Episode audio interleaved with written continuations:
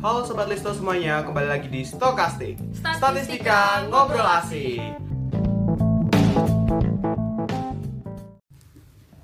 Akhirnya nih kita bisa ketemu lagi di Stokastik. Dan di episode kali ini bakal dipandu oleh aku, Rafaelino. Dan aku punya partner baru nih, silahkan boleh kenalan dong. Halo semuanya, kenalin nama aku Widya dari Start 22 Nah, di episode kedua ini kita akan membahas tentang How to be a winner. Can I? Oke, kalau gitu langsung aja kita sambut guest star keren kita, Kak Vicky Halo. Udah pada kenal kan ya? Ya kali Sobat Listo nggak kenal sama salah satu mahasiswa kebanggaan Departemen Statistika ini Tapi tenang aja nih, buat yang belum tahu atau belum kenal Bisa langsung aja kenalan Mungkin buat Kak Vicky bisa memperkenalkan diri Halo Sobat Listo, kenalin nama aku Vicky Haryanto dari Statistika Angkatan 2020.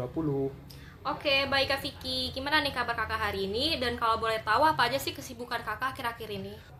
Alhamdulillah kabar baik, semoga Rafael dan Widya dalam keadaan baik juga. Nah untuk kesibukan akhir-akhir ini eh, itu kuliah reguler sih, eh, plus lagi banyak tugas case method juga. Selain itu aku lagi ikut salah satu penelitian dosen gitu. Wah lumayan padat juga ya ternyata Tapi tetap keren sih Kak Vicky ini Semoga dengan kesibukannya Selalu dilancarkan dan dimudahkan ya Kak. Amin, Amin. Nah, mungkin Sobat Listo tuh udah gak sabar banget nih buat mengulik tentang Kak Vicky. Termasuk aku juga gak sabar banget. Oke, langsung aja Vel, kita bisa tanya-tanya ke Kak Vicky. Oke siap Widya. Tapi sebelumnya nih ya guys For your information Jadi Kak Vicky ini punya banyak segudang prestasi Dan kemarin juga dapat banyak penghargaan juga nih Wow, udah cakep, keren, berprestasi pula ya kan? Kau boleh tahu nih kak, kejuaraan apa aja sih yang pernah Kak Vicky dapetin? Hmm. Eh, Alhamdulillah eh, kemarin dapat gold medal Youth International Science Fair 2023. Kemarin juga dapat gold and silver medal International Yacht Business Competition 2023. Nah, tahun kemarin juga dapat gold double gold medal ASEAN Innovative Science Environment and Entrepreneur Fair atau ISEF 2022. Terus eh, dapat silver medal di York International Science Fair, terus dapat silver medal Global Competition for Life Science, dapat silver medal Indonesia International LOT Olympiad 2022, terus dapat silver medal World Science Environment and Engineering Competition 2022 dan eh, juara satu bidik misi National Essay Competition UNER 2022. Wah wah wah wah Bener-bener luar biasa banget gak sih prestasi kakak kita yang satu ini Kalau boleh tahu itu kejuaraan individu atau kelompok nih kak? Hmm, untuk semua kejuaraan atau lomba yang biasanya aku ikuti itu kelompok. Selain men- menghemat waktu untuk brainstorming ide atau permasalahan lomba yang akan diangkat, eh, terus dalam penyusunan paper, PPT, dan skrip presentasi, kita juga dapat melatih kerjasama tim dan skill komunikasi, yaitu dalam presentasi lomba dan menjawab pertanyaan dari juri. Eh, kalau lomba internasional itu biasanya kan menggunakan bahasa Inggris. Jadi intinya harus saling backup satu sama lain dalam tim gitu. Wah, bener-bener keren banget sih ya. Terus tuh gimana sih kesan kakak setelah memenangkan kejuaraan tersebut? Untuk kesannya sangat luar biasa dan antusias dalam event lomba internasional eh, ini karena tidak menyangka dalam persiapan yang cukup singkat, kurang lebih satu bulan, hingga akhirnya bisa membawa beberapa medali. Dan for your information, dari peraturan rektor, eh, jika kita ikut lomba baik nasional dan internasional, kita bisa melanjutkan tema plus metode skripsi dan bisa dijadikan sebagai syarat untuk bebas sidang skripsi atau kompre ya. Mungkin teman-teman bisa cek sendiri.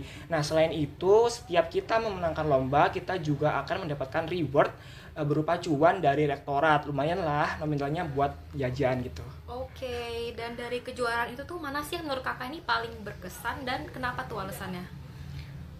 Eh, untuk lomba yang paling berkesan itu kemarin eh, lom ada ada satu lomba yang bertepatan di acara penutupan KKN Desa Cantik di kantor BPS tahun lalu.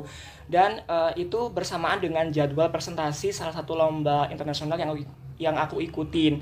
Berhubung tim kami mendapat sesi 2 jadi sembari menunggu acara penutupan aku presentasi dulu nih di depan kantor BPS gitu. Jadi di depan jalan raya plus mengandalkan hotspot gitu tapi alhamdulillah berjalan dengan lancar Oh, oh, oh, oke. By the way nih kak, aku mau nanya lagi nih.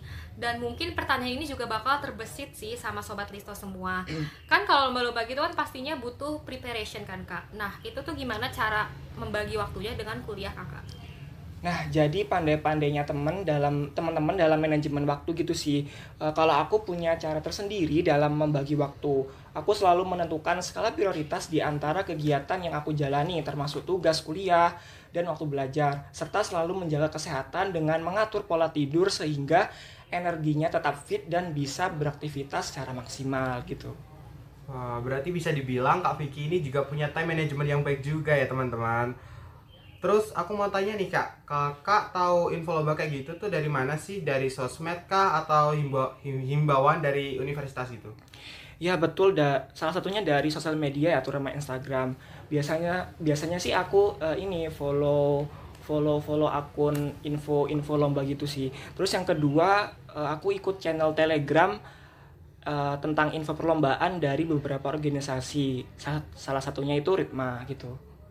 Wah, boleh tuh coba tuh. Barangkali Sobat Listo penasaran kan dengan kompetisi-kompetisi seperti itu. Oh iya kak, uh, boleh sih dikasih sedikit tips and trick gimana sih caranya biar kita bisa jadi juara kayak gitu? Baik, untuk tips dari pengalaman selama ikut lomba itu yang pertama banyak banyakin latihan presentasi dan jangan lupa di timekeeper sesuai waktu di peraturan lombanya. Terus yang kedua, buat list daftar pertanyaan yang kemungkinan ditanyakan oleh juri. Biasanya aku buat kurang lebih 20 pertanyaan mengenai paper-papernya gitu. Yang ketiga, harus saling backup di satu tim tersebut, semisal ada kendala jaringan atau hal lain yang tidak diinginkan. Terus yang keempat, Uh, jangan lupa ikut organisasi yang memiliki arah gerak yang sama terkait perlombaan. Salah satunya itu Ritma karena uh, berdasarkan pengalamanku senior atau BPH yang expert uh, di bidang lomba itu sering mengajak lomba gitu sih. Tuh Sobat Listo, barangkali tips and trick tersebut bisa diterapin nih biar, biar kalian juga punya segudang prestasi kayak Kak. Terakhir nih Kak, mungkin bisa disampaikan pesan atau motivasi sekaligus closing statement dari Kakak untuk Sobat Listo semuanya. Nah, buat teman-teman yang uh, lagi berjuang, tetap semangat, jangan menyerah, harus bangkit lagi.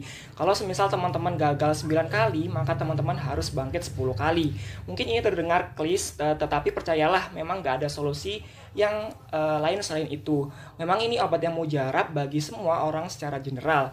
Terus, ingat lagi alasan kamu untuk memulai semua ini harus bisa merealisasikan apa yang kamu inginkan. Kalau semisal gagal berarti bukan tujuannya yang salah tapi caranya yang salah dan beranilah dalam mencoba hal baru, memulai dan berusaha memberi yang terbaik sesuai dengan kemampuan serta percaya diri bahwa uh, Tuhan akan selalu mendengar doa dan melihat usaha hambanya dan uh, mungkin teman-teman yang mau ngajakin lomba atau kompetisi bisa DM ya ke Instagram aku gitu sih.